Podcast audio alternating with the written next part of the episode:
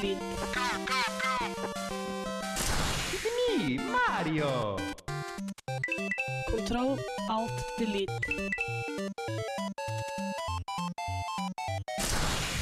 Unable to comply.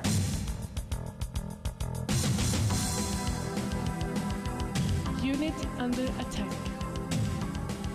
Auto shutdown. Sequence in progress. Ready to serve, my lord.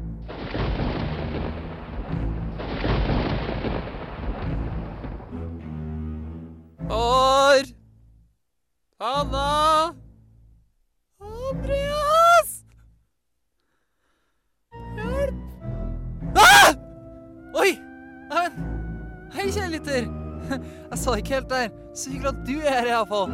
Um, tja, jeg kan jo kanskje bare fortelle om Bare helt casually om eh, dagens program. Vi har eh, Spillnytt som vanlig. Ukas spørsmål. Nerdeprat-events. Det blir ganske kult. Og så får vi besøk av Mørkes cosplay. Jeg uttaler det sikkert helt feil. Mens jeg finner resten, så kan du få en låt imens. Du får bare your Friends Best leader, Kinney.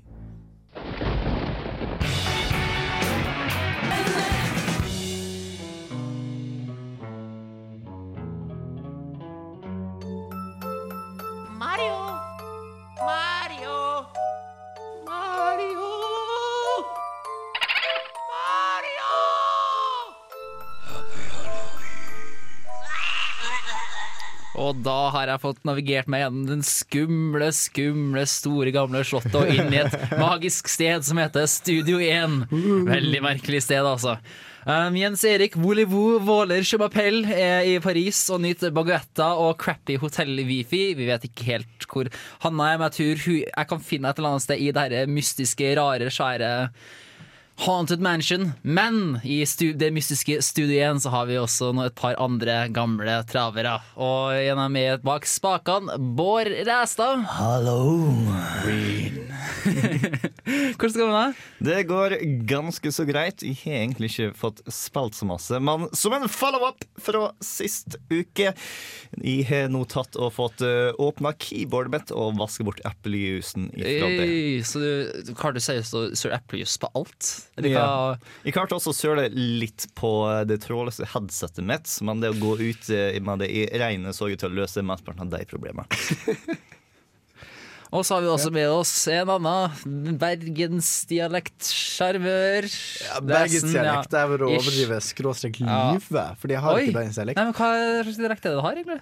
Det kan være et eget program. Ja, Andreas sin eh, dialekt. Andreas, ja, Andre, Hva har du spilt av? Du hva, jeg, jeg har ikke fått spilt noe særlig, og det gjør egentlig sånn Steam-kjøpingen min enda rarere. Oi. At jeg ikke finner tiden Jeg finner ikke tiden til å spille så mye, men jeg kjøper fortsatt spill som er på tilbud. Du finner tida til å Ja, kjøpe. du ja, jeg finner tiden til å kjøpe Det er der tida det. forsvinner. vet Du Du bruker tida hele tida på å sjekke ut Steam Sales. Altså. Mm, jeg burde heller brukt den tiden på å spille, kanskje. Mm. Ja. Steam Sales Simulator 2000. det blir en ting.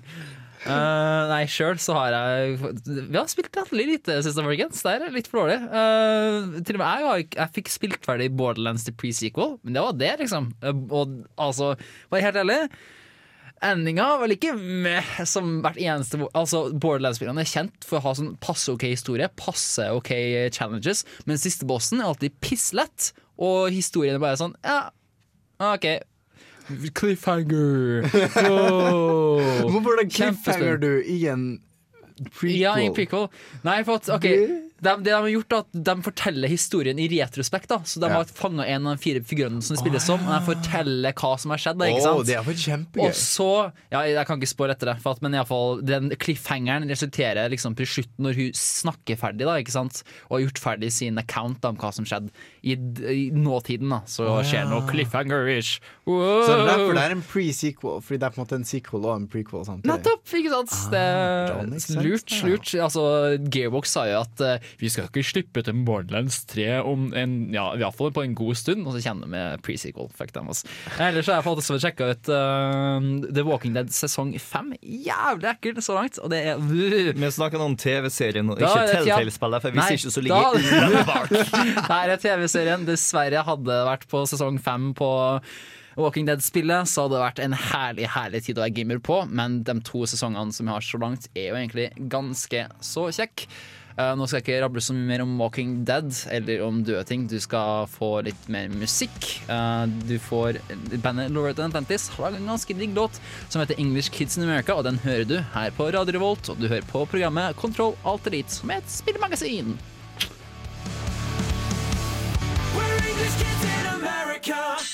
Denne uken i Spillnytt. Lower than Atlantis er engelske gutter i USA, og vi er spillneider i et studio. Vi er nemlig Control Alt Elite på Radio Revolt. Eh, det er pølsefest i studio, men det er kanskje ikke noe særlig nytt i Control Alt Elite. Men Andreas, du har noen nyheter til oss. Ja, vi, skal nemlig, vi har nemlig fått vite hva den norske staten har kickstarta i det siste. For nemlig nå har Norsk Filminstitutt Ja, jeg måtte følge opp med en liten vits. Norsk Filminstitutt, som ikke bare støtter film, men også interaktive produksjoner, som de så fint kaller det. Da, da, dataspill, da. Uh, de har nå eh, gitt ut uh, hvilke ni nye spill som de skal støtte. De gir det ut litt sånn periodisk eh, hva de støtter. Så nå har de nettopp sluppet ni nye spill. I alt eh, 7,4 millioner eh, kroner i støtte til, til eh, da, disse nye, nye spillene. Money, money, money. Ja, det er, jo- det er jo snakk om en, en del penger. Uh, det er, av det store spill så er det blant annet snakk om uh, et spill som heter Draugen fra Red Thread Games. De som uh, lagde Drømmefall Jeg vet ikke om de lagde de Drømmefall Drømmefall. Chapters. Chapters, ja. ja. Det er de som gir ut de episodene for øyeblikket. Og Draugen er en ganske stilig skrekkspill som skal foregå på Vestlandet på 1920-tallet. Så jeg gleder meg. Og de fikk eh, hvor masse, sa de? De fikk én million kroner. One million kroners! Jo, jo. Men det, er ikke, men det er ikke de som har fått mest, Oi. selv om det kanskje er det største spillet. Fordi eh, det, det som har fått mest, er eh, et eh, nytt Kap Kaptein Sabeltann-spill. Kaptein Sabeltann og Skatten i Lama Rama fra Ravn Studios. De er jo ganske store på sånn barnespill, så de fikk eh, 1,5 millioner kroner til det. Og et annet spill som også fikk 1,5 millioner kroner, er eh, et mattespill. Dragonbox Numbers. Eh, som eh, Det er også oppfølger til fra et eh, kjent studio. Så det ser ut som eh, eh, NFI går etter utgivere som de vet har levert lignende eh, produksjoner før. At dette Ja. er noe de klarer. eh, utgivere de stoler på. Og så gir de heller mye penger til de enn å spre det tynt utover. Så det er en litt eh, interessant eh, strategi. Så kan man også, Kanskje vi kan diskutere litt her i studiet hva vi syns om måte, grunnlaget de gir penger på. da For det ser ut som de går mye etter barn. Ja. De går etter mye spill som er til mobile plattformer. Mange av de som har fått mest støtte, er IOS og Android-spill. Jeg tenker at de går etter spill som faktisk vil selge. Ja. Fordi at eh, hvis du skal ta og gi ut et spill på norsk, så er det de som er mest interessert i det, de som ikke lært seg skikkelig engelsk ennå. Og de er selvfølgelig også barn. Ja. Men jeg synes det samtidig er dumt at man liksom ikke tør helt å satse. da At liksom Du kan ha noen skikkelig kule spillkonsepter, men så får du ikke cash fordi at uh, du lager ikke et barnespill eller et læringsspill. Eller noe sånt, da. Det er jo kanskje litt dumt, men jeg kan jo se litt hvorfor også. At man liksom, du har heller lyst til å satse pengene på noe safe, og noe som er um, noen kan bli sint for hva jeg sier, men at det har skikkelig samfunnsverdi. Da, eller iallfall Ja, for det de yngre. Men altså, spill har jo samfunnsverdi ellers, men jeg føler liksom at det læringsspill kan være ekstra nyttig, ja, i deres øyne iallfall. Jeg hører også at uh, Tesla-gradstudioet har fått penger til en uh, spirituell oppfølger. Oi. Ja, det har de fått. Uh, hvor mye? Uh, oh, eller, det er så, nå har jeg så mange faner her. Eh, Tesla-grad, World, eh, World to the West. Eh, det ser jeg ikke vent. Altså, fordi NF, NFI har uh, flotte nettsider. Oi, til og med fancy grafikk og sånn. Uh, nei, det er, eh, det er litt tungvint å Det. Eh, er litt tungvint å orientere seg, men eh, de kommer i hvert fall til å På slutten av året så gir de ut sånn alle spillene som har fått støtte dette året i en PDF, som er litt lettere å Ja. orientere seg i. Men du kan jo gjøre, gi det et forsøk og Man vil regne med at det er noe mindre enn én million kroner. Ja, ja det vil jeg tro. Eh, 700 000 tror jeg kan det ha vært. Vent litt, nå fant jeg det. Eh, de, nei, de har faktisk fått eh, Har de fått 1,5 de òg? Oi. Det høres ikke helt riktig ut. Det- World to the West har fått Å ja, for de fikk eh, Og de har fått støtte to ganger. Nå ble det litt sånn lave. De har fått eh, 1,5 million kroner, de, faktisk. Ja. Litt mer enn uh, studiespennet mitt, Wow. i hvert fall. Ja, det er Men, eh, slett ikke verst. Vi kan jo sikkert få lagt ut den linken på Mm. så- etterpå, så, det kan, så hvis dere har interessert i å se i ettertid, så er det bare å se på artikkelen som vi putter opp på nett Mm. etter hvert. Men nå er det på tide med en ny låt. Du får 'Digging for Praise' av Orango.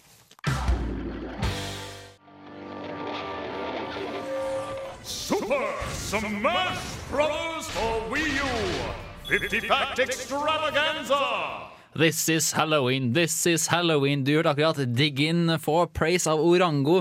Men vi, vi kunne nesten bare kalt det her nesten for julaften, for for en stund siden så hadde Nintendo en eh, slags ekstravaganse med Super Smash Brothers VU, og Bård, du har fulgt med litt på den. Ja, fordi at eh, de la ut en halvtime lang video hvor annonsøren fra Super Smash eh, hosta hele greia, og det er fantastisk å høre på, fordi at han av alle folk som snakker engelsk, så høres han mest japansk ut.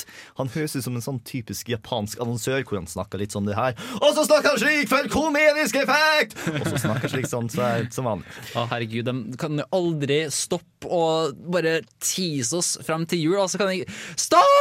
Vi har kjøpt Så, Nintendo det- Vi har kjøpt Smash Bros. TDS. Vi har. Dette er ikke teasing. Dette, de la fram så masse informasjon at det var vulgært. Oi. Ja, ja. Det, det er ikke måte på hvor masse de fortalte oss i denne halvtimes videoen. Link er for øvrig i artikkelen på dusken.no. Eh, det viktigste føltes ut som er Kjøpte du 3DS-en av Super Smash Brothers? Bra. Man bare være klar over at det er søppel i forhold til VU-versjonen. Skjermen din er så liten, med 60 frames per second og 1080p. Liker du å spille med fire?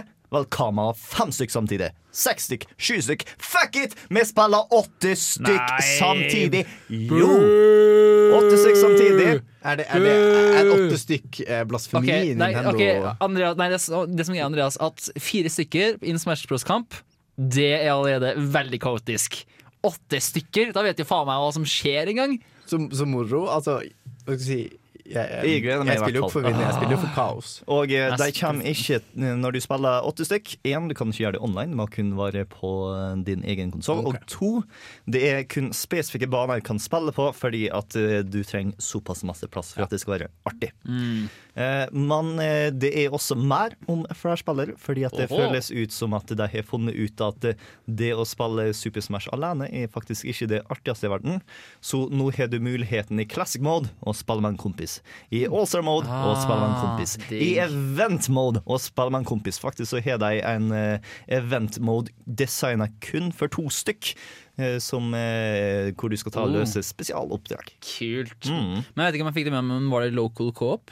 Ja, det er lokal coop. Mm. Nice, jeg elsker dem har local co-op. Men spørsmålet da blir igjen om det blir det samme problemet som med Hyrule Warriors, eksempel. Der hvis du har to stykker, så hakka det jævlig. Spiller du Mario Kart med tre-fire, hakker det jævlig. Men jeg lurer på om siden det er samme skjerm, om det kanskje da blir eh, Ja. Det er samme skjerm, og dette er Super Smash-folka. De Ja. er så langt de beste til å tyne Nintendo-maskinen.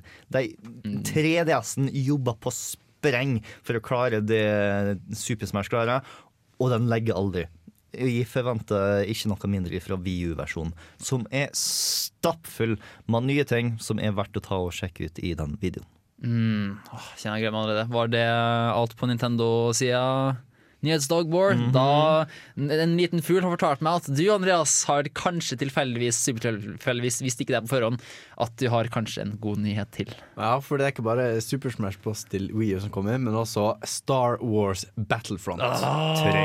Vent. Tre? Nei, nei, Er den de, de En har ikke tall fordi at uh, det er sånn vi gjør det nå til Ja, fordi tallet er teit, og vi starter alltid på nytt. Jeg synes det alltid Hvorfor skal, Ja. hvorfor skal alt starte på kommer, nytt? altså, det kommer altså Holiday 2015, altså rundt jul eh, til neste år, samtidig som uh, Star Wars 7. Det, jeg regner med de har Det ikke er tilfeldig. Det blir kult. Og så så kan jeg eh, si at eh, Destiny eh, kommer med ny expansion pack. Så det kommer eh, masse nye stæsj til det også. Jeg kan i hvert fall si at nå ser eksamen ut svart for meg, men ja, det er noe meg. Dere skal få en låt til å kose dere med mens jeg trøster meg sjøl. Du får 'Moonlight' av Hani El Khatib, og du hører på Kontroll Alt Delete på radio Revolt.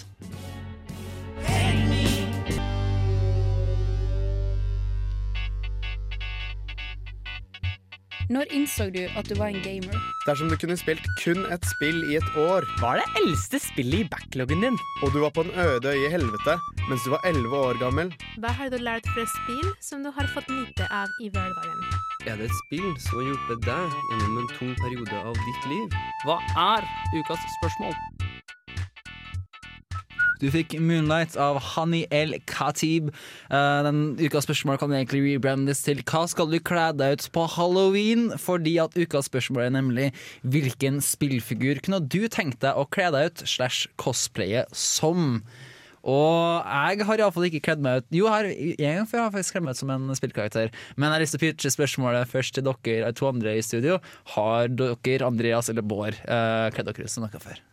Om vi har? ok. Så, om du Nå er det to spørsmål ja. du holder på å kaste rundt her nå, Chris. Ja. Hvilken vil du at vi skal svare på først? Hmm, vi tar en, en Hvis du skulle kledd ut noe sånn, nok, som en spillfigur denne halloween, hvilken hadde det vært?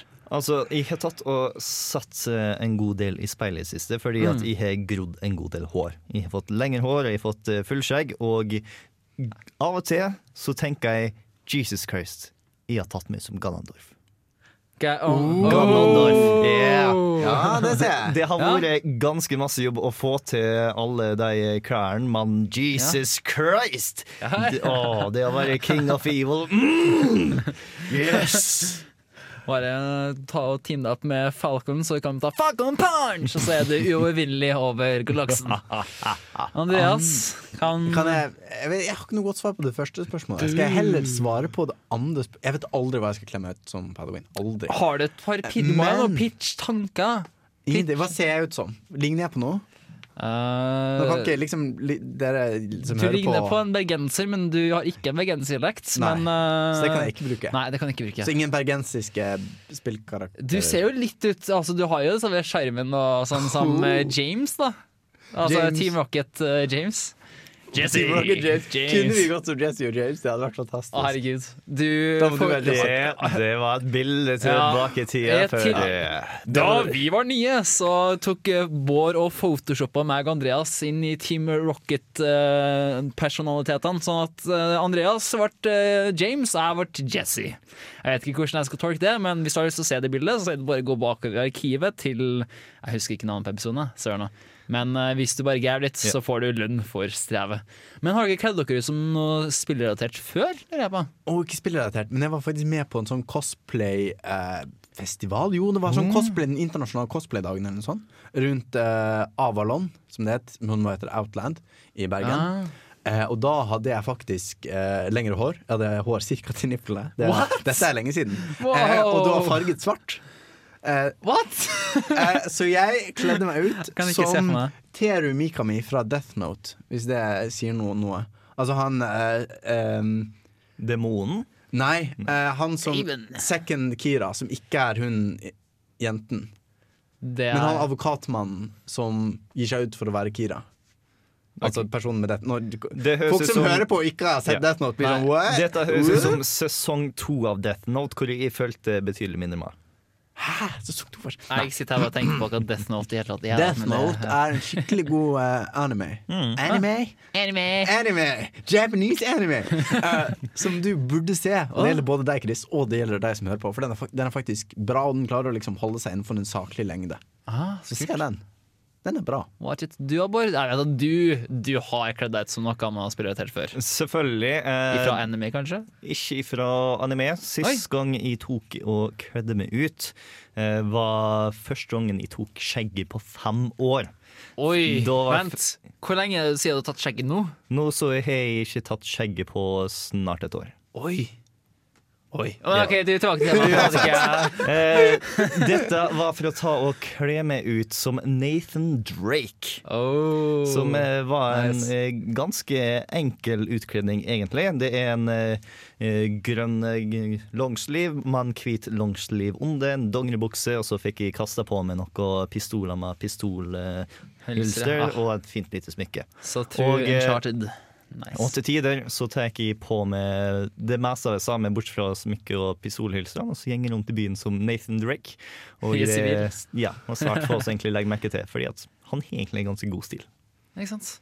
Nei, Uncharted-spillene er jo ganske digg, syns jeg. For det. Eh, et spill som uh, jeg har tatt og kledd meg ut ifra, var når altså, det, Da var jeg eh, ti år gammel. Og da var jeg skikkelig sånn jeg skal lage YouTube-filmer. Hvis du leter i YouTube nok, så finner du kanskje mine veldig kleine, rare Kristoffer leker med Adobe After Effects-videoer.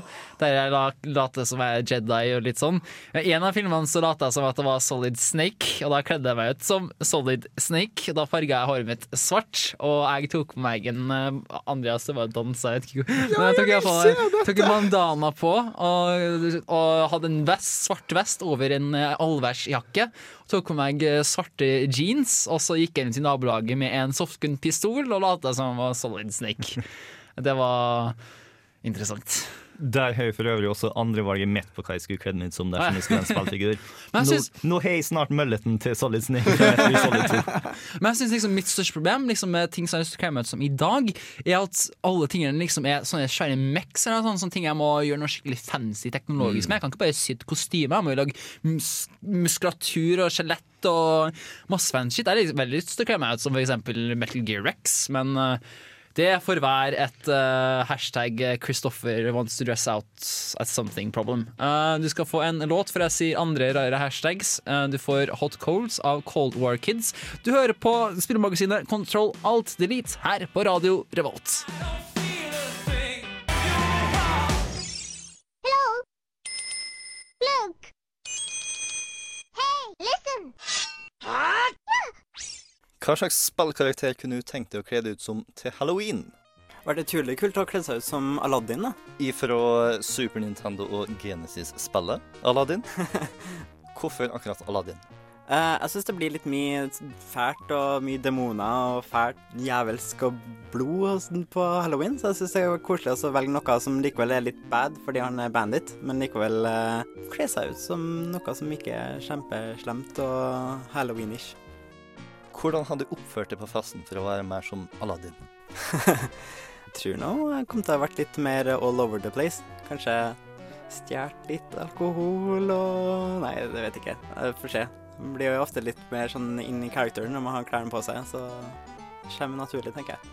Hva slags spillfigur kunne du tenke deg å kle deg ut som til halloween? Kanskje Ash Ketchum, han er kul. Få noen venner til å kle seg ut som Pokémon. Det hadde vært noe, det. Eh, Jeg som eh, spiller Super Smash Brothers kompetitivt, kompetativt, eh, jeg hadde en diskusjon med et par kompiser. Alle sa at de ville helst kle seg ut som mainen min, og mainen min i det spillet er Diddy Kong. Hvordan kunne du tenkt å kle deg ut som Diddy Kong? Det hadde nok vært T-skjorte, caps og kanskje noe brunt eller noe under for å etterligne pelsen. Antageligvis en uspesifisert fra fancy RPG. Primært sett eh, Dragon Age, siden det kommer opp nå snart. Eh, tatt noe innafor her med noe passelig med rustning, og prata med noen kjente folk som har noe med de kan låne ut av dette her, og altså eventuelt bygge på.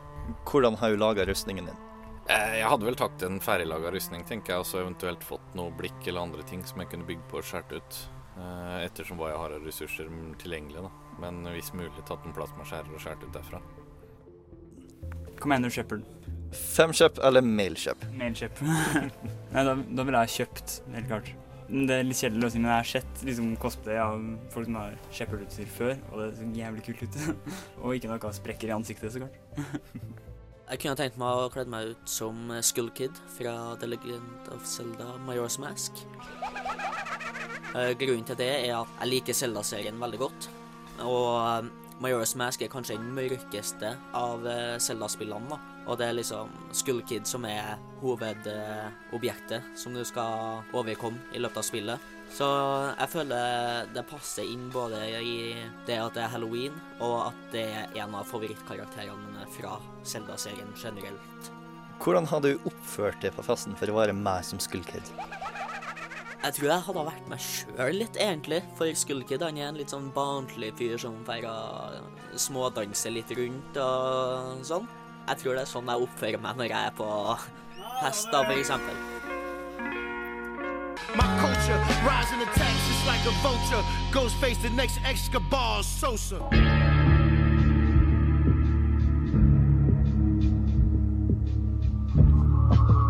Du fikk Gunshower featuring Elsie av Ghostface Killa og Bad No, Bad Bad Knots. Uh, vi, vi har også tidligere dusja deg med masse ideer som du kan uh, kle deg ut som til halloween. Spillrelatert. Uh, og mens jeg var opptatt å finne på tullete evneknagger før reportasjen vi hørte i sted, så glemte vi jo selvfølgelig å introdusere den reportasjen. Men det du fikk høre, var Bård som uh, gikk rundt litt i byen og hørte litt med gamere om hva de tenkte å kle seg ut, eller hva de kunne tenkt seg å kle seg ut som. Da. Og jeg syns det var ja, ganske mange kule, varierte ideer. Jeg eh, skulle ønske jeg kunne lage noe, men jeg får aldri, aldri tida. Men en ting vi skal faktisk få tida til, er endelig å spille med noen av dere som eh, lytter der ute i eteren. Eh, Fordi at eh, nå, Petter har vel eh, Petter Høyer har snakka litt, eller har vist litt interesse for å game med oss på fritida. Og det vi har tenkt, at vi skal ta en gaming session allerede i morgen. Hvis du hører på podkasten her på torsdag, så er det i dag. Men slapp av, for at det har mest sannsynlig ikke skjedd ennå. For at det som kommer til å skje, er at vi mest sannsynlig kommer til å spille, spillet Monaco. Et veldig veldig morsomt spill som Bård introduserte meg for for ikke særlig lenge siden. Det er vel fire playere på det, ikke Det er opptil fire stykk Opp fire samtidig, stykker. hvor eh, du skal være tjuv og snike rundt og stjele ting og ikke bli uh, oppdaga. Dritmoro spill. Det er sånn tidspunktet som jeg tenker nå, det blir sånn ja, ca. klokka ni på kvelden og utover. Eh, og som sagt, i morgen, altså torsdag den 30. oktober 2014, hvis du lurer på det.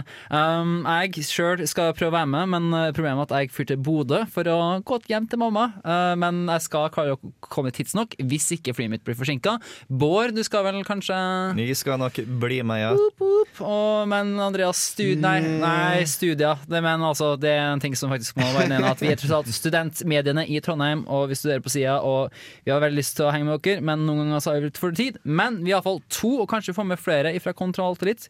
Hvem vet, kanskje vi får med noen av de faste gjestene som vi pleier å ha.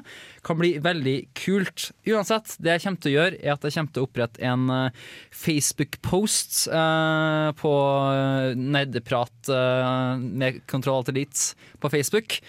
Og der kommer vi til å bare poste at ja, det her er eventen, og så kommer vi til å finne ut i kommentarfeltet under om hvordan vi skal chatte og hvordan det blir med oppsett og sånn. Uh, nå har vi ikke, egentlig ikke planlagt Det er ikke så kjempeplanlagt, så hvis det plutselig skulle komme veldig mange, så kan det bli litt knotete. Men det er veldig koselig om det blir mange. Men uh, da kan det være at uh, ja, vi må finne på en smart, smanshy løsning. Men planen er iallfall at det skal være en koselig torsdagskveld der vi spiller Monaco. Jeg og Vår har jo som sagt spilt en gang tidligere, og ja, vi liker veldig godt å gjøre stemmeskuespill ut av det de sier. Så hvis du tar med dine voice acting skills, så er det et mega, mega pluss. Jeg vet ikke om dere har noe mer å tilføye, folkens? Eller? Dersom du har noen spill som eh, du har lyst å spille med oss, så er det bare å komme med Mm. forslag. Vi er alltids åpne. Vi har kanskje ikke alltids økonomi til å kjøpe alle de spillene, men det er alltids interessant å vite hva folk har lyst å spille med oss. Mm, og vi planlegger vel kanskje, kanskje ikke at vi får inn flere medlemmer etter hvert, slik at vi også får mer tid og mer gaming sessions. For at jeg syns faktisk det er veldig stas å game med andre gaminginteresserte nordmenn slash norddamer. Ja, så hvis eh, du er litt interessert i å bli med i Kontroll Alt Elite, følg med i et par neste episoder. Nyheter er på vei. Mm. Men mens du sitter og tenker på hva nyhetene kan være, så skal du nemlig få en låt. Uh, Antler er et ganske digg band. Jeg hører veldig mye på det på fritida. Det, det Dipp har jeg ikke hørt før. Veldig spennende. Du hører fortsatt å høre på Kontroll Alt Elite, spillmagasinet her på Radio Revolt. Husk denne torsdagen om ikke noe fra programmet her. Husk torsdag i morgen. Da skjer det. Følg med på Facebook-sida vår.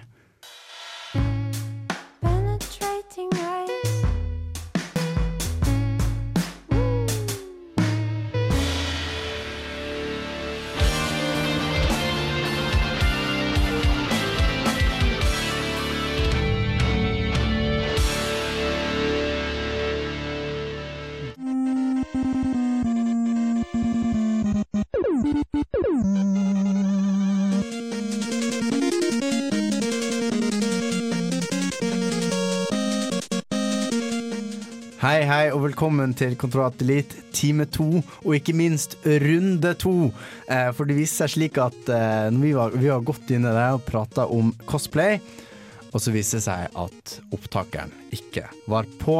Så nå, eh, Det er første gang du hører dette, men eh, for noen av oss er det kanskje andre gang. Vi snakka i sånn godt over en time, og det var så fantastisk radio. Alle sammen som har hørt på, har begynt med cosplay. Det er jeg helt sikker på. Ja, ja. Men den er tapt for verden. Beklager. Det var jeg som skulle ta og eh, satt på opptakeren, men eh, i Sverige Dette er første gangen jeg har hatt det problemet her. Det, det, det, det bruker ikke å være sånn. Men vi snakker altså om eh, cosplay, og ingen av oss, eh, meg eller deg, Bård, vi har, ikke så, vi har ikke så mye erfaring med cosplay. Nei. Men eh, Og det har ikke Ja, vi kan kanskje introdusere Vi har også Maren med oss i studio, som Hei. heller ikke er en eh, dreven cosplayer. Nei, det kan man si. Nei. Men takk og lov har vi med oss tre svært drevne cosplayere. Kan ikke dere introdusere dere selv? Fra venstre til høyre. ja, hei, Eh, jeg er Ronja, også kalt Riruko. Hei, jeg heter Mia, også kalt Mirakan. Jeg heter Emilie, også kalt Ekame, og vi er da Meercast Cosplay. American Cosplay, Dere har deres egen eh, gruppe Ja. med dere. Og dere eh, Hva gjør dere som cosplayere? Vi lager kostymer, later som vi er karakterer, og cosplayer drar på kons og driver med skits og sånn alt som en vanlig cosplayer gjør. Og hva, hva, er forskjellen mellom å, å drive med cosplay, Ester, kle dere ut som karakter og sånn? Hva er forskjellen på det og bare å, ja, bare å kle seg ut? Det er det å være in character. da. Du er én karakter Mm. og ekte som den karakteren. Og gjør alt for å se ut som den karakteren, så du lager alt til den karakteren. da. Ja, så du skal, du skal eh, gjøre litt teater da, egentlig, mens du går rundt og Ja. cosplayer? Hvordan, eh, hvordan er det å Til forskjell fra Har dere kledd dere ut vanlig først, og så begynt med cosplay? Jeg tror alle oss var veldig glad i sånn kostymeparty, så Mm. halloween var liksom favorittdagen før vi fant ut av cosplay, så vi starta jo sånn, vi òg. Mm. Jeg tror mitt første kostyme var uh, en, eh, en hund fra 101 dalmatinere. Mm. Eh, hvilken? Det vet jeg ikke. Sikkert den 101. Den spesielle. Ja, klart. Så hvordan, eh, hvordan var den eh, Altså Dere er vant til å kle dere ut, men hvordan var det første gang dere skulle også være i karakter? Um, første gangen vi cosplaya sånn og visste at det var cosplay, skal jeg til å si, eh, så var vi ikke så flinke på det å være in character, for vi var, det var jo helt nytt for oss, og alt gikk jo veldig fort ifra. Vi satt nede i kjellerstua mye og spilte eh, bleach på vi, til vi um, sydde kostymer av laken og så videre, og hoppa litt i det. Det som var in character den gangen, da, var at vi hadde én posering som karakteren gjorde. Det, det var vår in character. Hvordan, eh, fortell meg om hvordan dere begynte med cosplay. Ja, vi, vi starta jo med, sånn som Emilie sa, med å spille Bleach Shattered Blade da på Vi. Og så da fant vi ut oh my god, det her er kult! Og så søkte vi det opp på Google, og så bare oi! Det er folk som kler seg ut som det her. Vi må gjøre det samme! og så noen måneder seinere, på halloween, så cosplaya jeg Grim Joe. Og så noen måneder senere igjen, på Free Comic Book Day, så var jeg og Emilie fra, også noen fra Bleach. Så dro vi med Mia da, til slutt et par år etterpå. Så vi var litt sånn treg. Ja, for dette Free Comic, comic Book Det er tydeligvis noe litt spesielt i cosplay-miljøet. Hva er det som skjer på Free Comic Book Day? Eh, Det er på Outland. Da. Det er et arrangement der du, du får tilbud og sånn på alt de har i butikken, så lenge du kler deg ut. Så du kan komme og kle deg ut som hva som helst, og så får du tilbud der. Og så får du jo free comic books, Ja, da. det er jo Det. det. er en del av tingen. Men du må kle deg ut for å få For å få rabatten så må du kle deg ut, men for å få comic books så kan du bare være deg sjøl og være der. Ja. Hvem av oss eh, ikke cosplayere vil vi kledd oss ut for, eh, for rabatter på Outland? Vil du kle deg ut, Maren? Um. eh, ja, altså hvis jeg var veldig interessert i de rabattene, eller det jeg kunne få rabatter på, så kanskje. Du, Eh, du ville gjort det for rabattene? Eller ikke for gleden kle Gjør alt for rabatter. altså. eh, det kommer selvfølgelig litt an på hvor strengt man Altså kleskoden, holdt jeg på å si. Altså hvor gjennomført må det være, på en måte. Nei, det trenger egentlig ikke å være noe gjennomført for å få rabatten i det hele tatt. Jeg Nei. tror noen bare kommer med litt rar sminke, så får de det. Vi, vi fikk beskjed ett år om at det holdt ikke å tegne et Harry Potter-arr i panna. Det var det Der går grensen! Ja. Der går grensen. Da trykker jeg meg. Det er din go to-kostyme. Ja. Å tegne Harry. Potter-lynet i pannen. Jeg har alltid så et par eh, fine små kostymer som jeg kan gå rundt med i hverdagen uten å bli eh, opptatt. Oppdaga, mener jeg. Jeg nevnte tidligere det med Nathan Drake, som jeg liker å gå rundt eh, som en eh, dødelig mann i gatene som. Jeg har også en ganske fin eh, T-skjorte som tillater meg, sammen med en jeans, å være Connor Kent, eller Superboy, som han altså er kjent som i DC-tegneserien. Og for øyeblikket så er jeg utkledd som Captain Haddock fra Tintin-serien. Eh, For en halloween for evigheter siden så eh, bestemte jeg meg for å kle seg ut som han. Så jeg kjøpte meg en, eh, en blå ull-turtleneck på Dressmann, fant fram litt ull og en svær nål. Fikk jeg fiksa et anker midt på, og så eh, har jeg nå brukt sånn 300 kroner på denne genseren uansett, og den så noe stiligere ut med ankeret, så eh, da går den nå bare rundt meg. Så du ninjakler deg ut, rett og slett, uten Ja, at ja. noen, eh, noen merker deg. Men sånn som de sier, hvis du skal cosplaye skikkelig, så må du leve i karakteren. Ja, så og det er er, du, derf- er du litt mer haddock på de dagene du går Ja, med den det er turtlenecken. derfor jeg nå er rimelig full. Jeg satt ikke på opptak i stad, fordi at jeg har drukket sånn i hvert fall fire flasker med whisky, og bomber og granater så sint de ble. Jeg syns i hvert fall kan begynne å si bomber og granater mens Yes. du går i den. Det, Ferskvannspirater! det, det var en veldig ineffektiv form for piratisme. Yes. Og inni en innsjø. Ja. Mm. Men det er ikke tema for eh, Nei. dagens sending. Jeg, jeg er sånn som tar, tar oss med ut på viddene når jeg er programleder. Men vi snakker om eh, cosplay. Uh, og det var sånn dere startet med cosplay, og slenge dere på Free Comic, comic Book Day.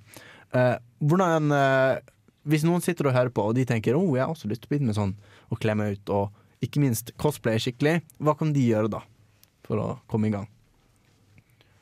Hva er steg én? Ok, ja. start, start med å finne bilder. Eller først finne en karakter.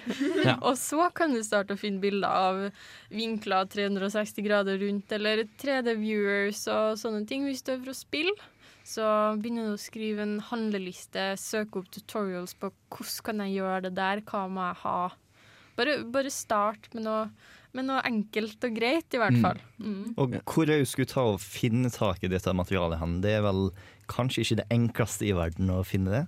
I hvert fall ikke i Norge.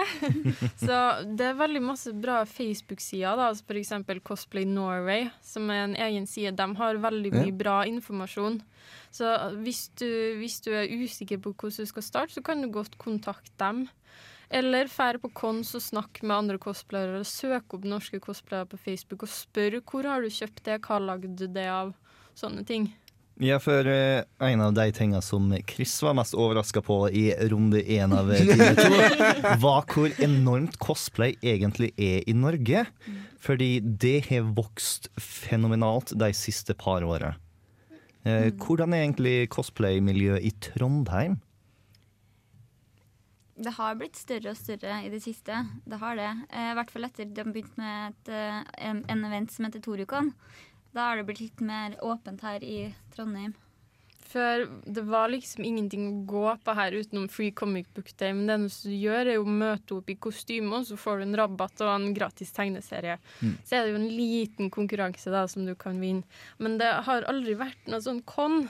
Men etter Torukon så har jo miljøet vokst noe ekstremt. Det starta med 500 eh, folk som var på Torukon første året.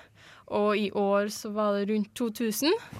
Så det, det var spesielt, for vi har vært med på det helt fra starten av. Så det er veldig artig å se hvordan det vokser bare her i Trondheim òg. Jeg syns 500 er ganske mange. Altså bare det, Ja. må tydeligvis ha vært eh, på en måte Det har vært mange som har sittet der med kostymene sine klare. Bare hoppet på en eh, con. Hva er det du egentlig gjør på et con, som bortsett fra å kanskje ha på deg et kostyme? Um, man er sosial, uh, mm -hmm. så er det jo ofte mye stands. Folk, både folk som lager ting som de selger, og forskjellige butikker som er det. Sånn som Outland pleier jo alltid å ha en stand. Um, og så for vår del så pleier vi ofte å ha skitter. Eh, og da er vi jo på scenen, så da bruker vi jo en hel dag på å være nervøs og ha vondt i magen. eh, Ja, ellers er det jo kostymekonkurransene, cosplaykonkurransene. Da er vi også veldig nervøse hele dagen. Uh, og da er det jo flere runder og sånn som være med på, så er du redd for å komme videre til neste runde, eller og sånne ting. Kon for oss det er egentlig nervøsitet, vondt i magen og smerte bare av å gå i kostyme. Stor glede når kvelden er ferdig. Ja. Men det må jo være noe som eh, gjør oss så villige til å komme tilbake igjen, selv om vi ikke vet helt hva det er. Det må være noe magisk med det. Nei, d- dere vet ikke helt hva det er? Nei, vi har diskutert en del sånn sjøl òg, for at det hvert år da, så når vi jobber så hardt for å lage en skit, eksempel, og jobber så hardt, for vi skal nå ha tre nye kostymer da, til, dere, til kon som varer i tre dager, så må du ha ett for hver, hver dag. Og så er vi der, og så går vi rundt og er nervøse, og så når neste år er i gang igjen, så er det liksom ja, OK, vi starter på for å gjøre det samme en gang til. Men når vi er på Konne, da, så sier vi 'hvorfor gjør vi det her'? Og det er ingen som har noe svar på det. Men vi gjør det likevel. Men etter vi har hatt skitten og alle liksom så, å, det var skikkelig kult, og sånn, så blir vi sånn OK, det var verdt det likevel. Ja, Før dere lager sketsjer, hvordan er det de fungerer? Hva slags type sketsjer dere har satt opp tidligere? Og Er det en forskjell mellom skitt og sketsj, eller bare Det er bare norske og engelske Ja. ordet på det. Mm. Vi, jeg skrev sketsj en gang på deviantarten min, og så fikk jeg veldig masse klager på det. Det heter skitt, sa jeg. Og bare, OK, greit. Men uh, vi har lagd skitt fra Nima da, så langt, anime-serier. Og så Den vi gjorde på Banzai-Con i fjor, var ikke helt uh, godkjent, fordi de sa det her var ikke helt PG-13. Og vi har, vi har folk i publikum her som er små barn. Så de, de likte showet, så det var ikke det. Det bare at det, det var ikke helt for Det det yngre. for, ble for blodig og stabbing og selvmord. Det var en del gisping, da, for å si det sånn. Du hørte liksom som bare Vi, vi hadde jo gjort det på en sånn litt artig måte der selvmordet var liksom Å, det her var artig! Og så, men istedenfor å høre fliring fra publikum, så var Og vi bare hva, hva gjorde vi feil nå, da? Men vi fikk veldig mye gode, gode kommentarer etterpå, både på YouTube og av folk som kom opp til oss etter skitten og sa 'oi, det her var kult, jeg elsker den serien'. Men eh, så var det de andre nå som det her var litt blodig. Folk som ikke hadde med seg ungene sine, var Ja. fornøyd. Ja. Men folk tar med seg ungene sine på kon? Er det vanlig? På, på Torukon så er det faktisk lov til å ha med ungen sin som en prop opp på scenen. så, så det var hva ei som hadde cosplayen cosplaya sjørøver, ja. Så hadde hun ungen sin i et papegøyekostyme oppå skuldra, og det var søtt. Og så var det ei da som cosplaya Tifa fra Final Fantasy, og så hadde hun med seg ungen sin som liksom var hennes og Cloud sin unge, da. Og alle bare ååå! ja. Så alt, alt kan være en propp. Det er grei regel. Så lenge de er under sju år. Ja. Når de er over sju år, så kan det ikke være propp lenger. Da må de være i sin egen, eh, sitt eget kostyme. Men dere har vel vært på flere forskjellige con enn Torukon? Ja. Eh, Hva har dere vært på? Har dere vært utenfor landet? Det er bare ett som vi har vært på som var utenfor landet. og Det var Nærkon i Sverige. Eh, Det er liksom det største skandinaviske konet i Der foregår nesten alt ut. Det, det er som en liten cosplay-landsby. For Ja. du har gata, så telt, og så har du sovesalen på ene sida, og så må du gå gjennom hele gata for å komme opp til stands og for å kjøpe ting. Og så er scenen på en sånn stor parkeringsplass, og det står ut i åpen luft, tenkte jeg å si, og ser på dem som performer. Det, det var utrolig koselig. Men det Og var utrolig folk. varmt, da. I hvert fall vi som, Jeg hadde et gigantisk uh, armorkostyme, og det var veldig fælt å gå rundt i da. Det var midt på sommeren. Ah, ok. Mm. Jeg, jeg trodde at det skulle være litt kjøligere og enklere å puste hvis det var utendørs, men Det var 35 grader, og jeg fikk brannsår under føttene av å gå på asfalten. Oi. Så så varmt var det. Nei, Jeg, jeg synes Det høres nesten magisk ut med en sånn egen liten eh, cosplay-landsby. Men det høres ut som cosplay også er eh, en hobby man må, må lide litt for. da jeg, tror, jeg tror vi skal snakke litt om uh, hva man må gjøre for cosplay, men først så skal du få en låt fra Du har et konsept for uh, låtene yeah, denne gangen. jeg har funnet tak i Nintendo 64-låter som du sannsynligvis ikke har hørt, fordi at det er fra spill du sannsynligvis ikke har hørt om. Dette spillet her er Glover, og låta vi hører fra den, er Atlantis Realm 3.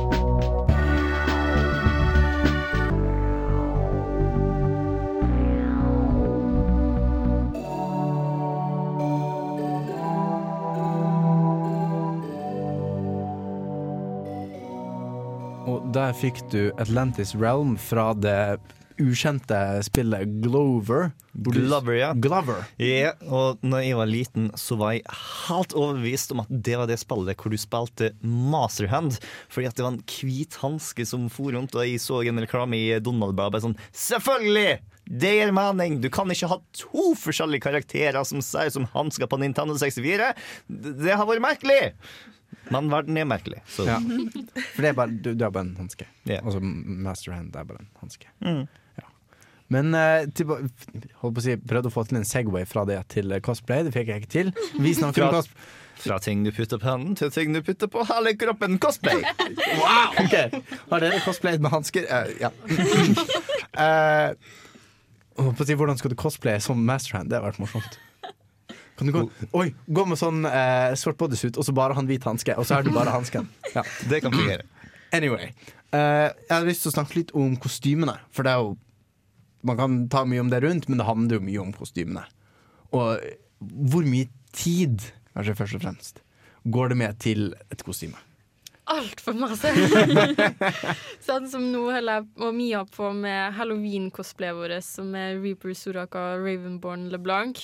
Vi begynte for Fra League of Legends, League for of de av oss ikke som er så altfor inn i det. Unnskyld. Jeg skal skjerpe meg. Det er tilgitt. Det er Ja. kanskje noen av våre lyttere som har hørt om League of Legends. Tror jeg. Jeg tror to-tre stykker eller noe sånt. Vi får håpe det. Ja. Så nesten like mange som har hørt om Glover. ja, men jeg og Mia begynte i hvert fall med det for litt over en, en og en halv uke siden. Og det er litt for lite tid på et så avansert kostyme, så nå er vi oppe dag og natt og jobber som bare det. Og sånn er det som regel før hvert eneste con. Og da ligger vi oppe om natta og vi syr og limer fast hender og føtter og skriker og har panikkanfall og hele pakka. Fordi vi er så stressa og redd for at vi blir ikke ferdig, men vi blir alltid ferdig. Jeg kan jo spørre i tillegg, Det går jo sikkert en del penger med på det òg. Det høres i hvert fall sånn ut. Ja, det er veldig dyrt. Det er jo ettersom Du kan jo få til billig materiale òg, men da blir kanskje kostymet ikke så bra igjen. Du går, jeg har lagd eh, med pizzaesker og eh, doruller, liksom. Det går an å bruke det. Problemet da med papp- og pizzaesker er at uh, når du svetter litt, så dør det. Jeg har aldri tenkt på som problemstilling. Ja. Jeg laga Nidali også fra LOL sine bracers i pizzaesker. Mm. Så de var jo veldig tight, og det var veldig varmt på Torukon når jeg brukte det her i byen. Og jeg svetta litt da under de bracerne, og så når jeg tok dem av meg, så var pappen, hva skal vi kalle det, erodert. Ja, veldig, veldig kult ord på det. ja. En av de kulere kostymene jeg satt på et kostymefest, er en kompis av meg som lagde. Han lagde Ironman-rustningen ut av isopor. Og for bare ta og toppe det hele av, så putta han en liten lommelykt i midten så det lyste. Og eh, den karen ble senere tatt opp som kostymeansvarlig i eh, SIT. Samfunnets interne teater. Mm. Men hvordan gjør dere for eksempel Ironman, altså sånne rustninger og stål og sånn, hvordan gjør dere de effektene på et nytt kostyme? Eh, De som lager sånne, sånne rustninger, sånn Ironman, Mass Effect, sånne der type ting, de bruker jo som regel vakuumforming, da. Altså plastikk som er forma over en modell av kostymet. For å få til den veldig slike, fine, glatte looken. Men hvis du ikke har en vakuumformer, så kan du bruke alt fra papp og opp til det kuleste materialet som er nå, som er Warbler. Som Boreblad. egentlig blir brukt for å lage skosåler. Wow. Ja. Men det kan liksom bare brukes til alt. Ja, det, det er helt ekstremt formbart. Det er hva Det er sånn- Sag, sagmugg, sag et eller annet Ja. Ja. Spon og lim som du kan forme med varme så det blir til hva som helst. Ja. Så det er liksom top tier, hvis Ja. du virkelig skal lage noe fancy. Men det er veldig dyrt igjen, da. Så det er liksom hva du har råd til. Hvis du hvis du vil ha et kostyme som du bruker én eller to ganger, så hold det med pappesker. Ja. Hvis du skal ha det litt mer durable, så må du ha litt bedre materialer, så du ikke svetter bort kostymet ditt. Ja, for Er det sånn at dere varierer kostymer fra gang til gang? Eller hvis dere har lagd et veldig kult kostyme, vil dere gjerne bruke det flere ganger? Eller hvordan er, fungerer det? Vi er veldig flinke til at vi har veldig lyst til å lage nye ting, for vi har lyst til å være så masse forskjellig. Så, um, men vi skal prøve å bruke flere ting. Flere ganger. til nå tror jeg aldri vi har brukt et kostyme to ganger. Nei. Men eh, nå så er det sånn Ja, det her gjør vi skikkelig fint, så kan vi bruke det en gang til. Og så får vi dårlig tid, og så blir det skikkelig stygt. Og så nei, vi gidder ikke å fikse det. altså, jeg kjenner den følelsen at du også har lyst til å gå på neste prosjekt. Mm. Og det. Altså, selv, selv om dere syns det er stress å lage sånn, så er det vel litt det det handler om også. Det å, å lage Ja. kostyme. Det hadde ikke vært like kult å bare kjøpe et ferdig Nei. Mm. Vi har kjøpt eh, noen kostymer. Ikke bli sur på oss. men det er som regel sånne kostymer som vi vet vi kan lage det, men vi gidder ikke fordi Ja. det er billigere å kjøpe det. Mm. Ja. Ja, det er ofte billigere å kjøpe. Hvis du kjøper fra Kina, ja. Ja. Men uh, hvis du skal ha sånn høykvalitetskostymer, sånn skreddersydd og sånn, så blir det som regel litt billigere å lage det sjøl. Ja. Men dere har peiling på kostymer. Og selv om jeg kanskje ikke har tenkt å begynne med cosplay Kanskje. um, så har jeg i hvert fall uh, tenkt meg på en eh, halloweenfest. Og det tror jeg det er ganske mange som hører på, som også har tenkt seg på. Så jeg lurer på hvilke tips dere har til eh, folk som eh, skal på en halloweenfest, og eh, få noe fra noen drevne, drevne kostymemakere. Eh, hvordan går man frem for å lage et kult kostyme? Kanskje jeg pleier å komme på ca. Eh, på samme dag som eh, jeg skal på halloweenfest. Ca. fem timer før eh, festen, så kommer jeg på Å, shit. Halloweenfest. Vet du hva, det gjør vi òg. Så hva gjør dere, da? Eh, det vi gjør, er som regel hm, Har vi noen stoffrester her? Har vi noe som kan bli brukt? Altså, hm, kanskje den pelsjakka her kan bli til en huleboer? Ja! Det ble pelsjakka mi i fjor på halloweenfest. Så når det er sånne type utkledningsfester, så bruker vi som regel ikke cosplay vi heller. Vi tar noe, så putter vi det sammen så enkelt som mulig, men så kult som mulig. Sånn som alle andre som vil kle seg ut. Så vi er ikke noe annerledes enn Det er vanlige mennesker, altså. Ja! Vi er normale dødelige. Vi vil jo gjerne, Hvis vi skal på fest og sånn, så vil vi gjerne ikke ha cosplayene våre fordi de er som regel svære og store, vi vil ikke ødelegge dem. Nei. Ja, Så da gjør vi noe enkelt. Altså, Derfor, jeg, eh, jeg vil ikke ta og kalle meg sjøl en cosplayer, fordi at eh, jeg føler at jeg ikke har tatt og putta i nærheten av nok timer og penger inn i noe kostyme for å ha den eh, retten. Men for å ta kaste ut en veldig geeky analogi som eh, fungerte ganske godt sist gang vi gjorde det her nå, for det, det er som sagt runde to. Eh, og nå går vi inn i Star Wars-verdenen her nå.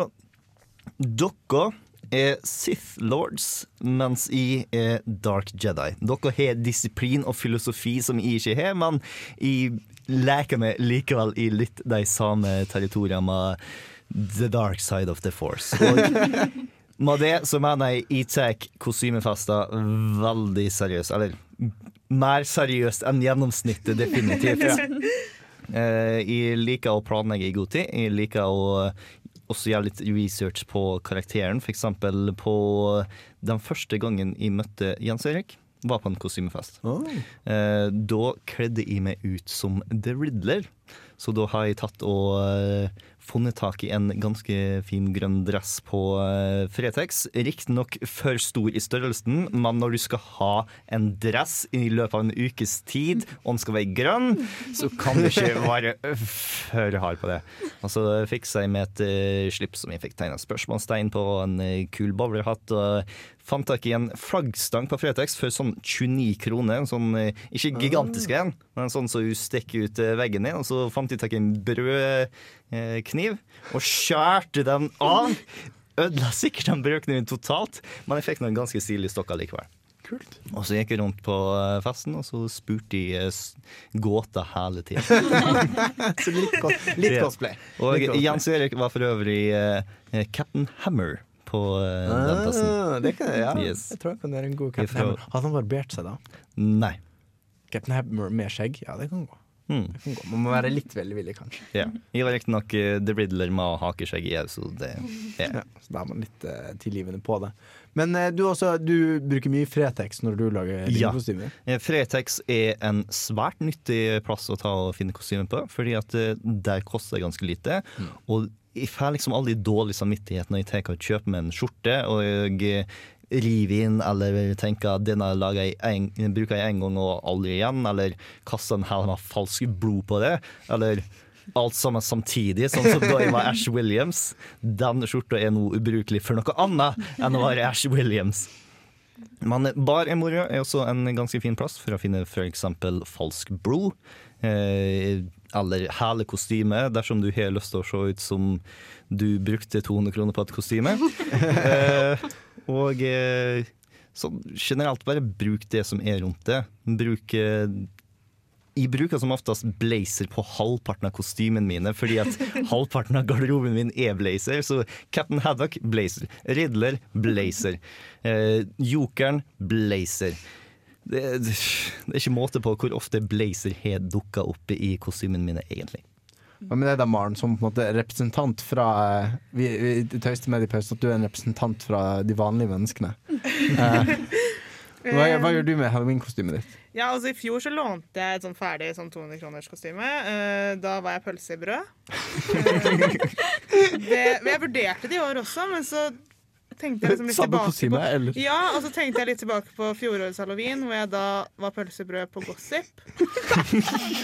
uh, og så husker jeg den episoden hvor folk faktisk prøvde å jeg vet ikke, jeg, spise meg, eller kostymet mitt, og da dro jeg hjem. Uh, så jeg tenkte mm, Nei, det hadde vært gøy, men nei. Eh, så det skal jeg ikke gjøre i år. Så jeg har faktisk vært på Stoff og Stil og kjøpt eh, stoff.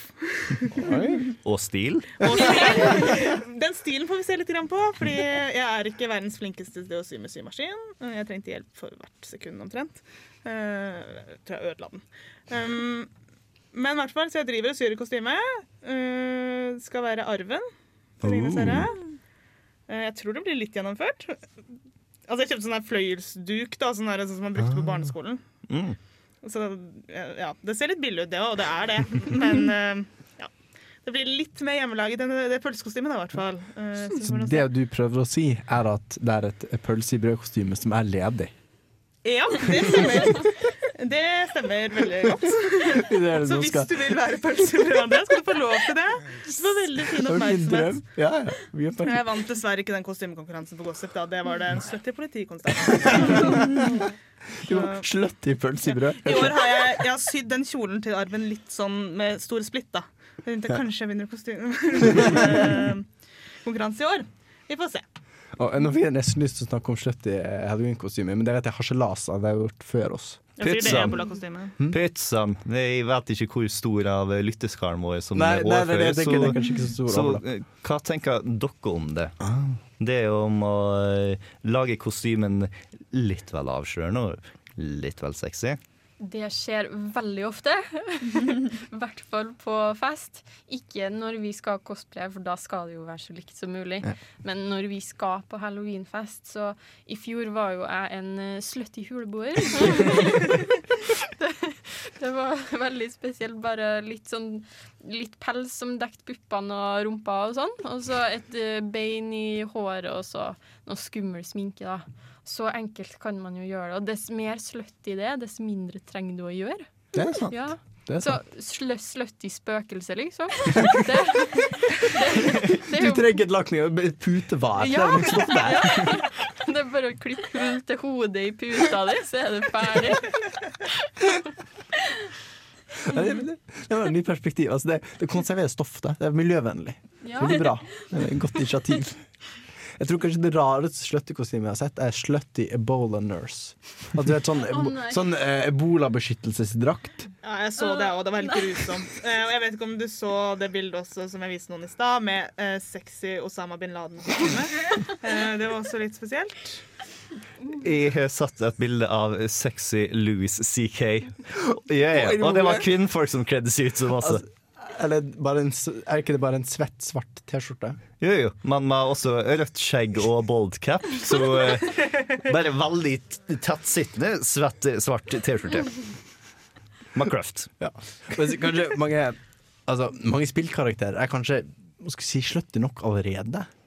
Det er mye, ok, Nå skal ikke jeg sitte her og være sånn um, moralist, men veldig mye sånn spesielt japanske spill har veldig sånn minimalistiske drakt. Altså, de rustningene er ikke spesielt praktiske. Liksom Ikke dekke magen, liksom der du har alle dine vitale organer.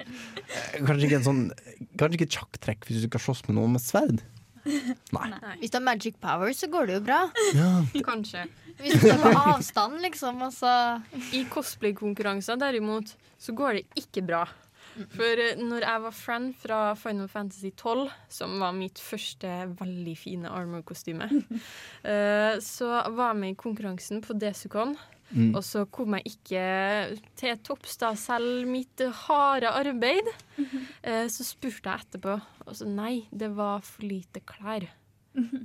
Så Åh, så det, var faktisk, det var liksom det, Det var for, for for revealing, da. Ja. Ah. Mm.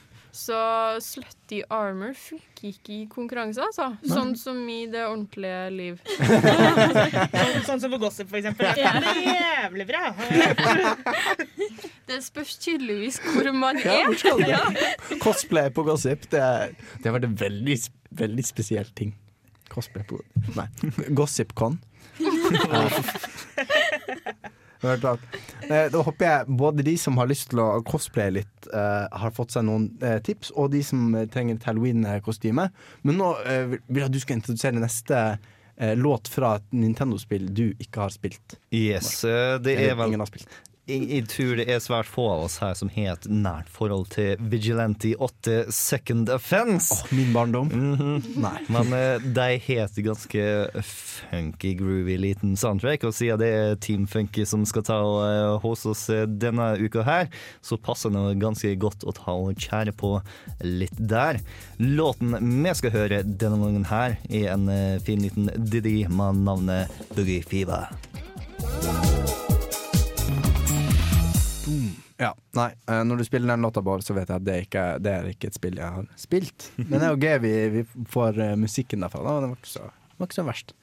Eh, da, du, da snakker vi fortsatt om cosplay her i studio. Og da har jeg lyst til å snakke litt om kanskje litt fordommene mot cosplay. Mange av de som aldri har drevet med cosplay, og det inkluderer jo meg, blant annet, at man har tanker om hvordan cosplay er.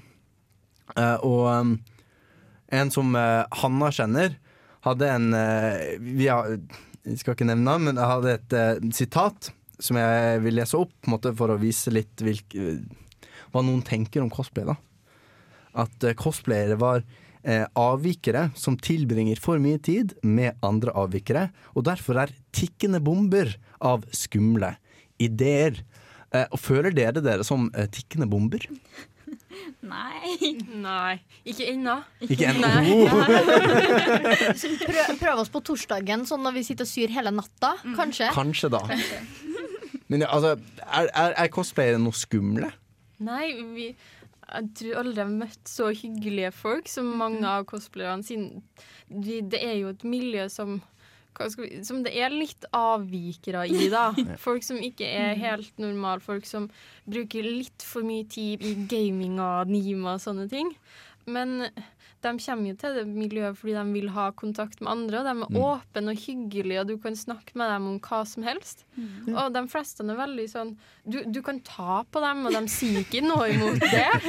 Det, det er veldig åpent. Så Ronja, nå kan det hende du tiltrekker deg litt feil type folk. jeg snakker ikke om meg sjøl. Ja. Men ja, Jeg, jeg lurer på om grunnen for at eh, folk er såpass åpne og velkomne, er fordi at de er i maske. Fordi at de har muligheten til å late som de er noen andre, og kanskje skylde litt på at de er in character, og dermed overskrider litt sosiale bånd. Og når de allerede har gjort det, så føler jeg litt mer kjent og velkommen og dermed mista litt av eh, den typisk norske holdninga om at vi må ta og holde litt folk på avstand og være litt kalde og være ikke sånn Jeg ble, ble, Ble- ble ikke så hyggelig. Ja. Så Ja, avslutta jeg det er sant, det. det. Jeg vet om flere som er egentlig skikkelig sjenert, men når de blir in character og cosplayer, så blir de mye mer åpen. Mm. Sånn som vi, når vi har skits og sånn, eller skal opp på scenen og performe hva som helst, så har det det hjelper at vi er i et kostyme og så bare får litt sånn Å, vi ser kule ut, det her klarer vi. Ja! yeah. Men hvis vi er oss sjøl, så blir det litt sånn Det er skummelt. Ja, hvordan blir dere når dere er i kostyme? Hva slags personlighetstype er dere gjeng etter? Og er det noe som forsterker den noe er, eller som åpner døra til noen dere litt ønsker at dere skal være? Ja, vi, vi har vår egen type og, og cosplay, da. Sånn som Emilie som cosplayer søte, glade, smilende, og hoppende søte ting. Eh, veldig ofte rosa, selv om jeg hater rosa. Så har du Mia som er sexy og har masse pupper og korte kjoler og høye sko. Jeg er ikke bare sånn, da. du òg. Og så er det meg som som regel den litt slemmere versjonen, da. Så der, det forsterker på en måte litt av hvordan personligheten vår er fra før av. Eh, Jeg vil bare gripe inn og si at Ronja egentlig ikke er slem. Bare sånn at du har avklart det. Takk. Men kanskje du kan slippe ut litt ting som du eh, vanligvis ikke får lov til å være, da? Mm, det, det er jo veldig artig å kunne gå og se ned på folk og Den eh, er kul, og du er dum. Det Jeg føler jeg må forsterke litt sterkere nå. Ja, men det er, det er veldig godt å kunne, kunne heve seg over folk én gang, liksom. Så, OK, nå gjør jeg det veldig feil. Nå må det være altså. slutt. Ja, OK, Emilie, snakk om din søte personlighet. Det hun prøver å fra komme fram til, da. Nei, for jeg, jeg kan kjenne meg litt igjen der, fordi at hvis jeg ser tilbake på de jeg kler som, så er det veldig ofte skurker eller eh, antihelter på den måten. Så det å ha muligheten til å være litt mer drittsekk, ikke sånn faktisk drittsekk, men det å slenge føttene på bordet og eh, være litt fornærmende og eh, uten å ha noe særlig til brodd, er litt deilig når du vanligvis er en veldig hyggelig person som holder tilbake og ikke har lyst til å ta seg altfor mye stygt i tilfelle folk ser litt surt på det. Men når du er i kostyme, så er det sånn eh, Jeg kan ta og være litt drittsekk i dag. Mm, så det er jo en veldig snill person til vanlig. Og så har vi kostymen der vi kan være drittsekk. Men det er jo også en grense for hvor langt man skal trekke den in character-delen òg, da. Det er jo sånn til fotoshoot så kan du være så drittsekk som du bare vil. Men hvis noen kommer opp til deg når du er på con og sier 'Å, så fint kostyme du har', så skal du bare 'Så klart har jeg det'. da, da er du liksom deg sjøl og sier 'tusen takk'. Jeg jobba hardt for det her. Er det folk som tar det for langt? At de tar in, in character-greien? Definitivt. Det var på, på Desicon i fjor, tror jeg, så var Vi har ikke sett Doctor Who. Ingen av oss har sett Doctor Hæ? Who. Altså, nei, unnskyld. Også, der Jeg- dere jeg er mest. Jeg er mest overrasket. Altså, ja. ja, ja, så kom det en hel bunch med jenter til oss, oss med sånn spørsmålstegn på plakater, og så sier de 'Where's the doctor? Where's the doctor?' Og vi bare hva, hva skal vi si nå? Hva, hva, hva mener de? Hæ? Og så vi bare eh, Hæ? Og de 'Where's the doctor?' Vi skjønte ingenting. Og hva, hva skal du gjøre da, når du ikke skjønner spøken som de vil fram til? Så ta, ta in character-delen til noen som skjønner det. ja. Noe annet er jo at hvis man cosplayer ifra mm, Si en anime-serie, da, Mm. som er kjent, og så er det noen andre fra den serien, så kan de komme bort til deg og starte på en måte en sånn role-playing-sesjon, da. Og hvis du da ikke henger helt med eller er forberedt på det, så kan man jo bli litt sånn tatt på senga. Ja, det, det ble faktisk en krangel en gang, også på en DSUK. Det var en som cosplaya skurken, og så var det en som var den snille, og de kjente ikke hverandre. Så gikk han skurken opp til han, eh, han snille personen, og så begynte han å slå han med sverdet sitt, eller noe sånt. Bare, bare sånn forsiktig på tull, og så si masse sånne eh, linja som karakteren han da. Men personen som var han snille, han ville ikke være med på det, så han prøvde å stikke av. Men slammingen bare fulgte etter og skulle fortsette å leke med ham. Det gjorde så vondt å se. Det har kommet folk bakfra til meg og klemt meg. Sånn fordi jeg har vært en karakter som i serien liksom da der deres karakter har hatt en for eksempel romantisk greie, da. Eller en broderlig greie. Og så liksom kommer man, og i serien så skjer den scenen. Men man, når man bare står der og har en vanlig samtale, og det kommer noen og holder rundt deg bakfra altså, Ja. Mm. At det ikke nødvendigvis, hvert fall hvis det er noen du kan snakke med, at rollene kanskje ikke er så avklart. Eh, Det er noe annet hvis man liksom hadde avtalt på forhånd at ja, dette, dette skal vi gjøre. Men for dette publikumløse skuespillet minner mer om det du driver litt på med, Andreas. Uh, Fin segway. Ja, fordi eh, jeg har drevet med noe som heter live-rollespill. Uh, og det, ja, jeg har forklart det eh, som en slags impro-skuespill, altså skuespill uten manus, men det er ingen tilskuere. Man gjør det bare for seg selv um, og, og de andre som spiller. Så det handler om opple opplevelsen selv man får av å gå inn i en annen karakter, da. Og det kan være en fin uh, opplevelse i seg selv. Det er vel enkelte som kjenner det under et annet navn. Litt, eh, LARP yeah. kalles det ofte. Uh, live action role-playing. Si, da er det jo veldig avklart på forhånd. Altså Man sier sånn Vi skal spille disse karakterene. Oss fem eller oss syv, whatever. Uh, og vi skal spille så og så lenge. Dette er de tingene som er lov å gjøre i liven. At det er mye mer sånn strukturert ting, da og det kan være litt mindre skummelt. Noe annet der er jo at um, jeg har spilt veldig lite med kostyme. Jeg har spilt eh, jeg en, Dette er runde to. Jeg tok en oppsummering. Jeg har spilt en eh, ødelagt høyttaler på et loppemarked. Jeg har spilt eh, eh, faren til en lammet person. Eh, som satt, spilte da hele liven faktisk lammet. Det var interessant. Eh, jeg har eh, eh, spilt en general på en ubåt som skulle finne kuren mot eh, sykdommen som ødela verden. Eh, så jeg har spilt veldig mye forskjellig, men jeg har eh, bare spilt uten kostyme. Eh, fordi vi gjør det uten å gå inn i kostyme. Og hvor, når dere skal gå inn i en karakter, hvor viktig er det for dere at dere har et eh, kostyme å gå inn i? Du føler deg jo veldig mye mer som den karakteren du skal være når du ser deg i speilet og den karakteren ser tilbake på deg. Mm. Det, det er litt rart hvis vi skal Hvis vi skal gått rundt fra noen fra Lolla, og så har vi sagt setningene deres og gjort angrepene deres og sånn uten kostyme. Men når med en gang du har kostyme på deg, så er det liksom greit. Ja. Så kostyme gjør veldig mye veldig mye for oss, i hvert fall. Vi tør å være den karakteren vi skal være, og ikke minst så skjønner folk hvorfor vi gjør de dumme tingene vi gjør. Ja, det er sant. Det ser litt rart ut for andre. Ja.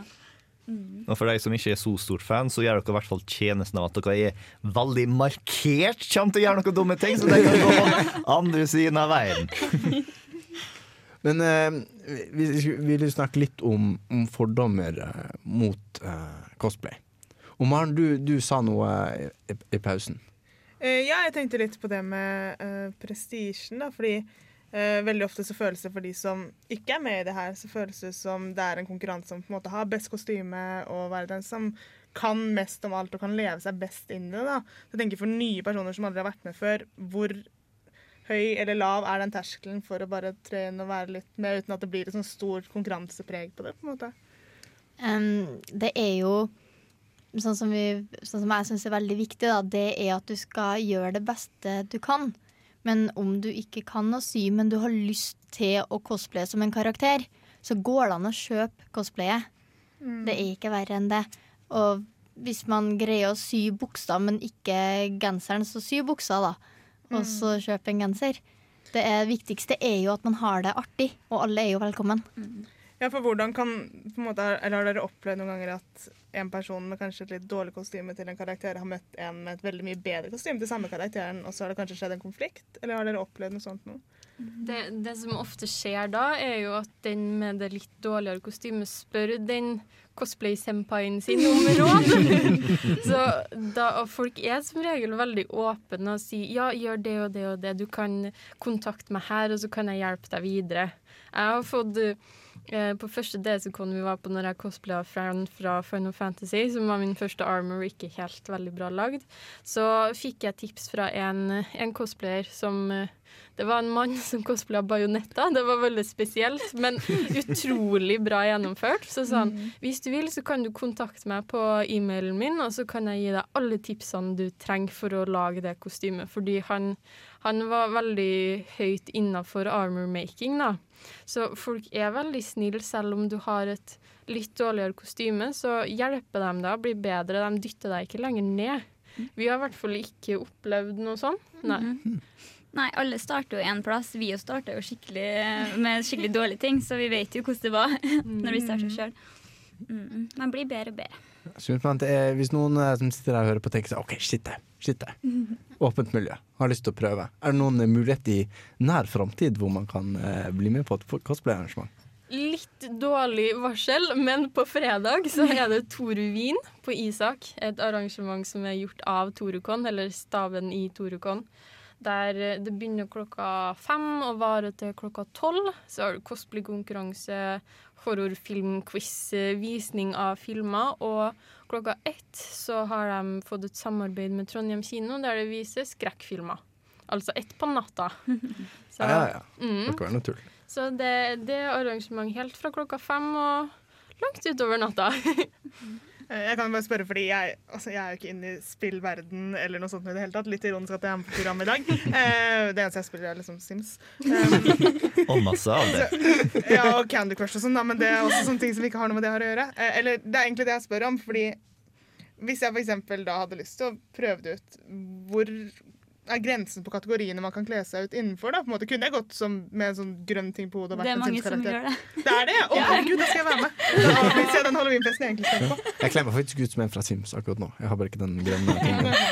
På, på Nærcon som vi var på i sommer, så var det noen som gikk som en sensurert Sims, altså en naken Sims. De Det er sånn- hadde bare en blokk foran puppene og foran eh, skrittet, og så hadde den grønne dingsen over hodet. Det var et veldig behagelig kostyme, så det ut som. Så man kan på en måte kle seg som hva som helst? Hva som det er helst, godkjent, ja. Mm, Det er liksom helt variert. Mange som cosplayer fra bare Disney og sånn Hobbiten, Ringenes herre. Sånne helt Mm. vanlige ting også. Det er ikke bare sånn animo-spill. Nei, for det er det man på en måte får litt inntrykk av, da, kanskje hvis man ikke er inne i, inne i miljøet. Og så finnes det jo karakterer som ser normal ut, som har normale klær. Og det er jo, da er det jo selvfølgelig Man trenger jo heller ikke å klippe håret eller farge det. Det fins parykker. Så kan man bare kjøpe seg en parykk over eBay, og så bruke vanlige klær og dra og ha det artig. Gå og ha det artig. Det er vel viktigste Det er tips fra dette programmet. Da har vi en, eh, en ny låt fra din eh, kompilerte liste over eh, Nintendo-låter fra spill du antageligvis ikke har spilt. Ja, og eh, denne gangen er det spillet Space Station Silicon Valley som stand for tur, med låta Ison Easy Does It. Jeg er ikke helt sikker på hva det spillet går ut på. På coveret så har du en hel haug med robotdyr, og tagline In the future there is no petting zoo. Men eh, i hvert fall så har det ganske god musikk.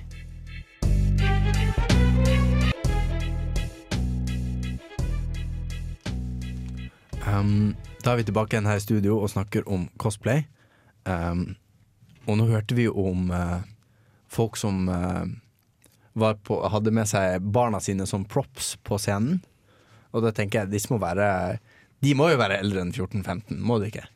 Så hvem kan drive med, cosplay? Alle. Alle. Ja. På, på Torukon i år da, så møtte i hvert fall jeg en gammel dame. Hun var, hun var 92. Hun var med Hæ? barnebarnet sitt, og hun hadde kledd seg ut i kostyme som Sophie fra, fra House Moving Castle.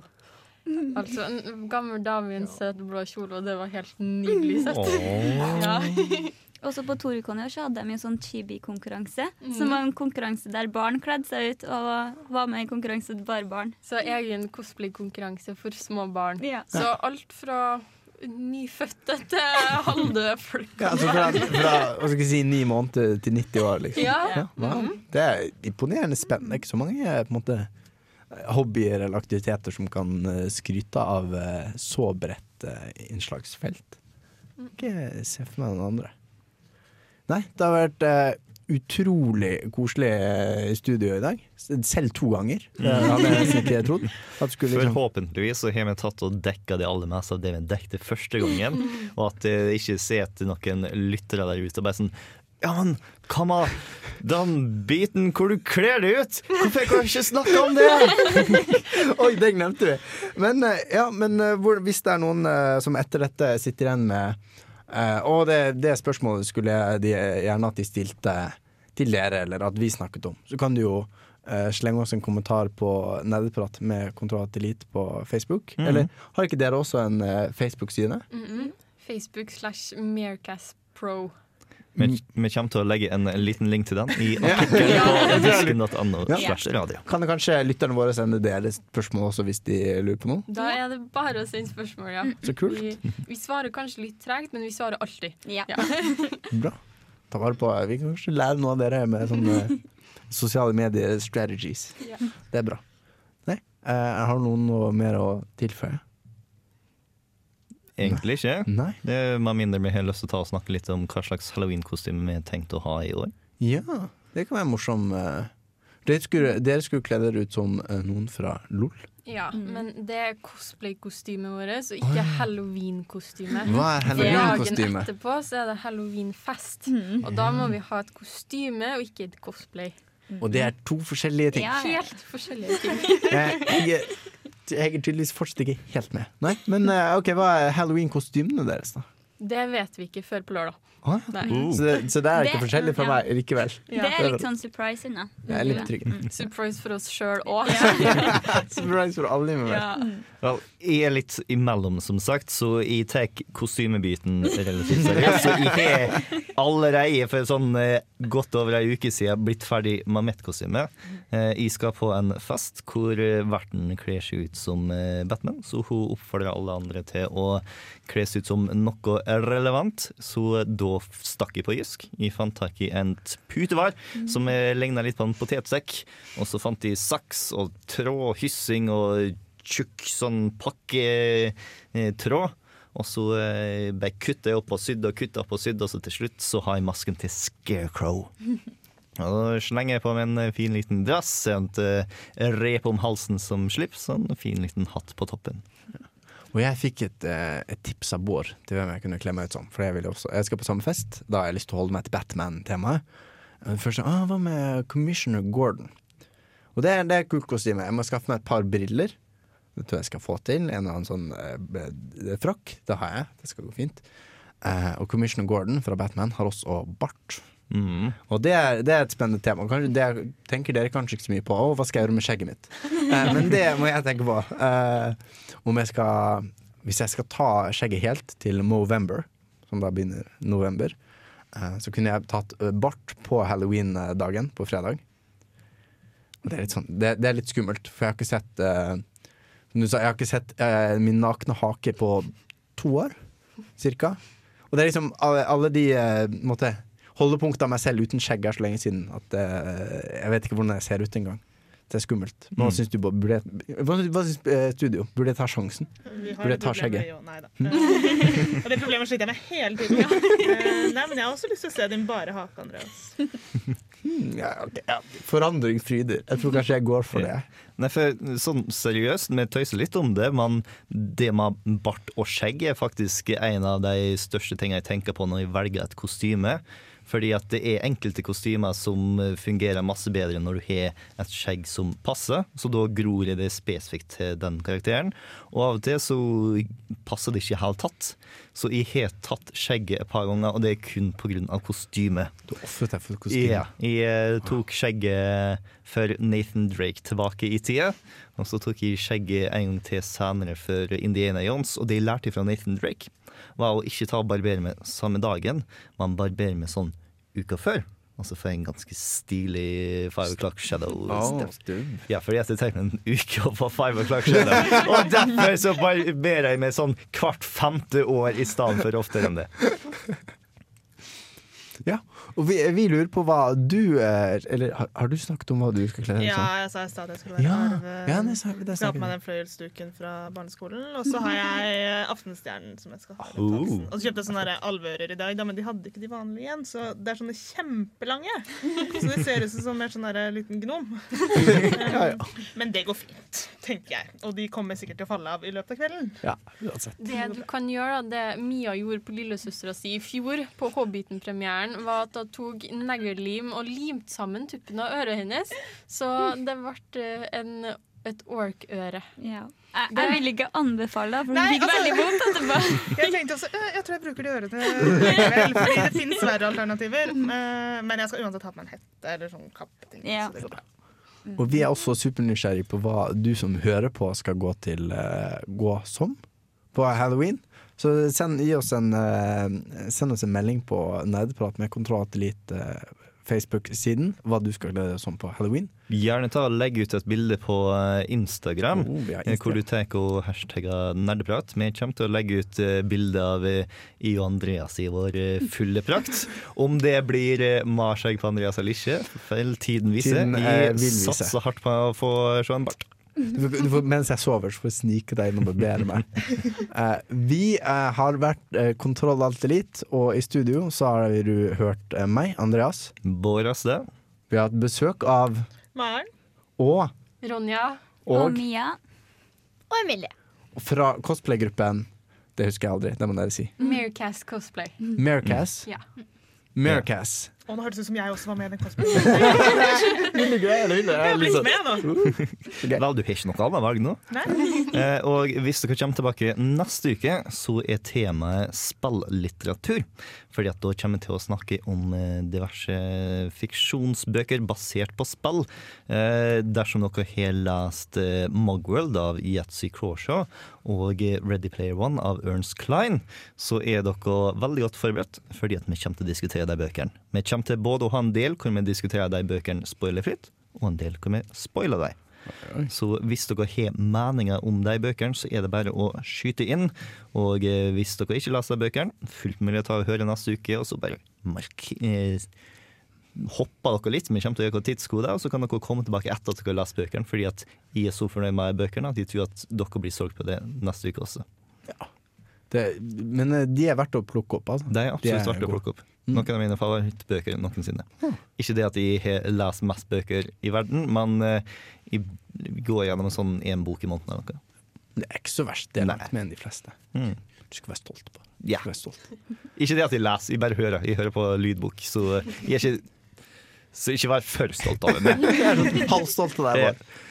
Du, takk for uh, følget i dagens sending av Kontroll Alt Elite, og så ses og- vi neste gang. Ja, og vi tar og runder av på en låt som ikke er fra et Nintendo 64-spill, men som uh, Mercat uh, Cosplay har tatt og spurt om. Og hvilken er vi skal høre nå? Vi skal nå høre da Still Doll, som er endingen på en anime som heter Vampire Night. Og som har da litt sånn halloween-team. Hva dere kalte låta for at jeg skulle ta og finne tak i den igjen? Var det pling-pong-plong-låte? Pling-pling-låta. Yes! Så her har dere pling-pling-låta ifra Vampire Night.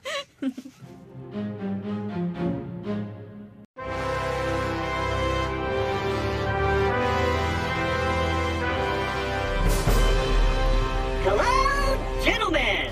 You're looking sweet. Not now, Claptrap! Hei, folks! Chris Monson here. Ikke skrik, men dessverre er podkasten over for denne gangen. Men frykt ikke. Våre overarbeida frivillige har stått på døgnet rundt for å kunne skvise inn mer kontroll alt elite i hverdagen din. Er dere klar? Så bra! Vi presenterer Nerdeprat. Det stemmer. Vi har revolusjonert vår tidligere ikke-eksisterende sosiale mediestrategi ved å kombinere nerd med prat. Genialt! Du kan takke oss seinere. Så uansett om du er dopa på Facebook, Twitter, Instagram eller YouTube, så er vi der. Nerdeprat! Og til våre hipstere, vi er på Google Pluss også. Nerdeprat overalt. Chris Monson, we're done here.